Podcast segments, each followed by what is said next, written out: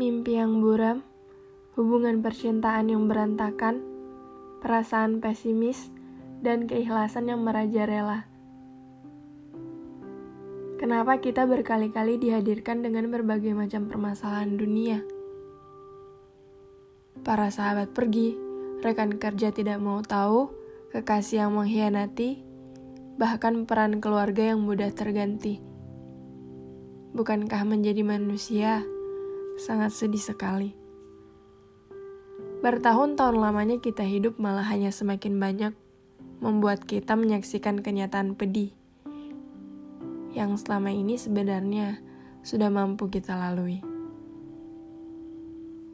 Terus-menerus dibuat belajar, di mana sebenarnya kita sudah lelah menghadapinya.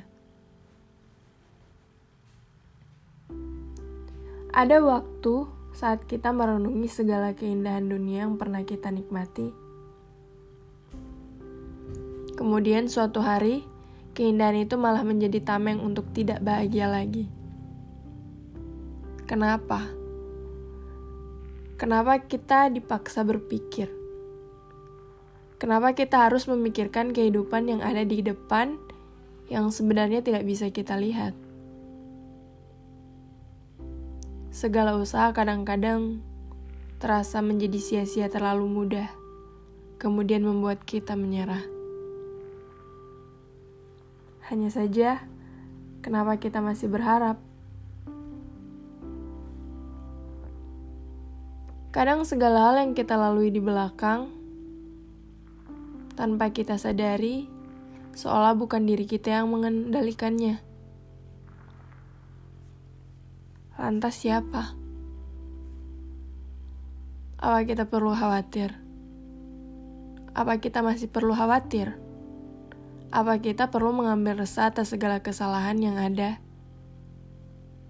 yang sudah terjadi? Nyatanya kita semua adalah individu yang berdiri sendiri.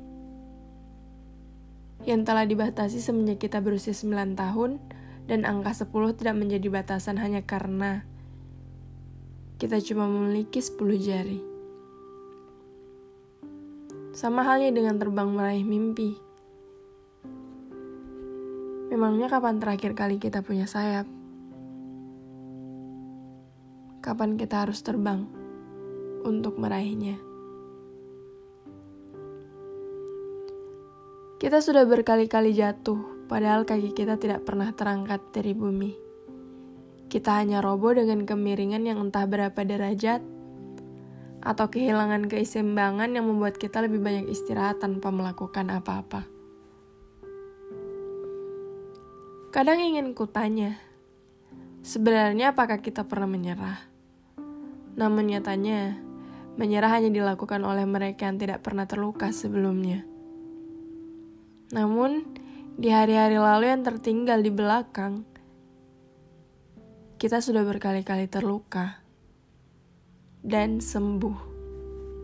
Ada banyak orang yang telah menyerah di antara kita, di mana hari-hari di belakangnya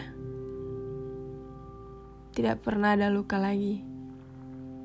Kemudian, ketika sesuatu datang menyerang dengan tekanan yang bertubi-tubi, segala keindahan di belakangnya tidak menjadi tameng. Menyerah adalah satu-satunya jalan menuju Tuhan. Padahal kita yang kemarin-kemarin tidak pernah berjalan menuju Tuhan. Namun, dari mereka kita belajar bagaimana kesembuhan yang kita rasakan adalah satu-satunya cara menemukan kebahagiaan. Bahagia yang selama ini kita kira tidak pernah kita rasakan. Mungkin karena kebahagiaan yang mereka rasakan adalah ketersiksaan yang selama ini kita dambakan sesuatu yang selalu kita niatkan untuk kita miliki, dan sesuatu yang menakutkan bagi mereka jika kebahagiaan itu hilang. Maka segala mimpi yang buram, hubungan percintaan yang berantakan, perasaan pesimis, dan hal-hal buruk lain yang terlalu sering menyerang kita pada akhirnya membuat kita terbiasa untuk mengikhlas merelakan segala hal terjadi begitu saja tanpa merasakan apa-apa, bahkan cenderung tidak pernah putus asa dan menyerah. Karena sebenarnya kita hanya berjalan, berjalan tanpa henti. Karena kita manusia, dan sejak awal kita hanya diciptakan punya kaki.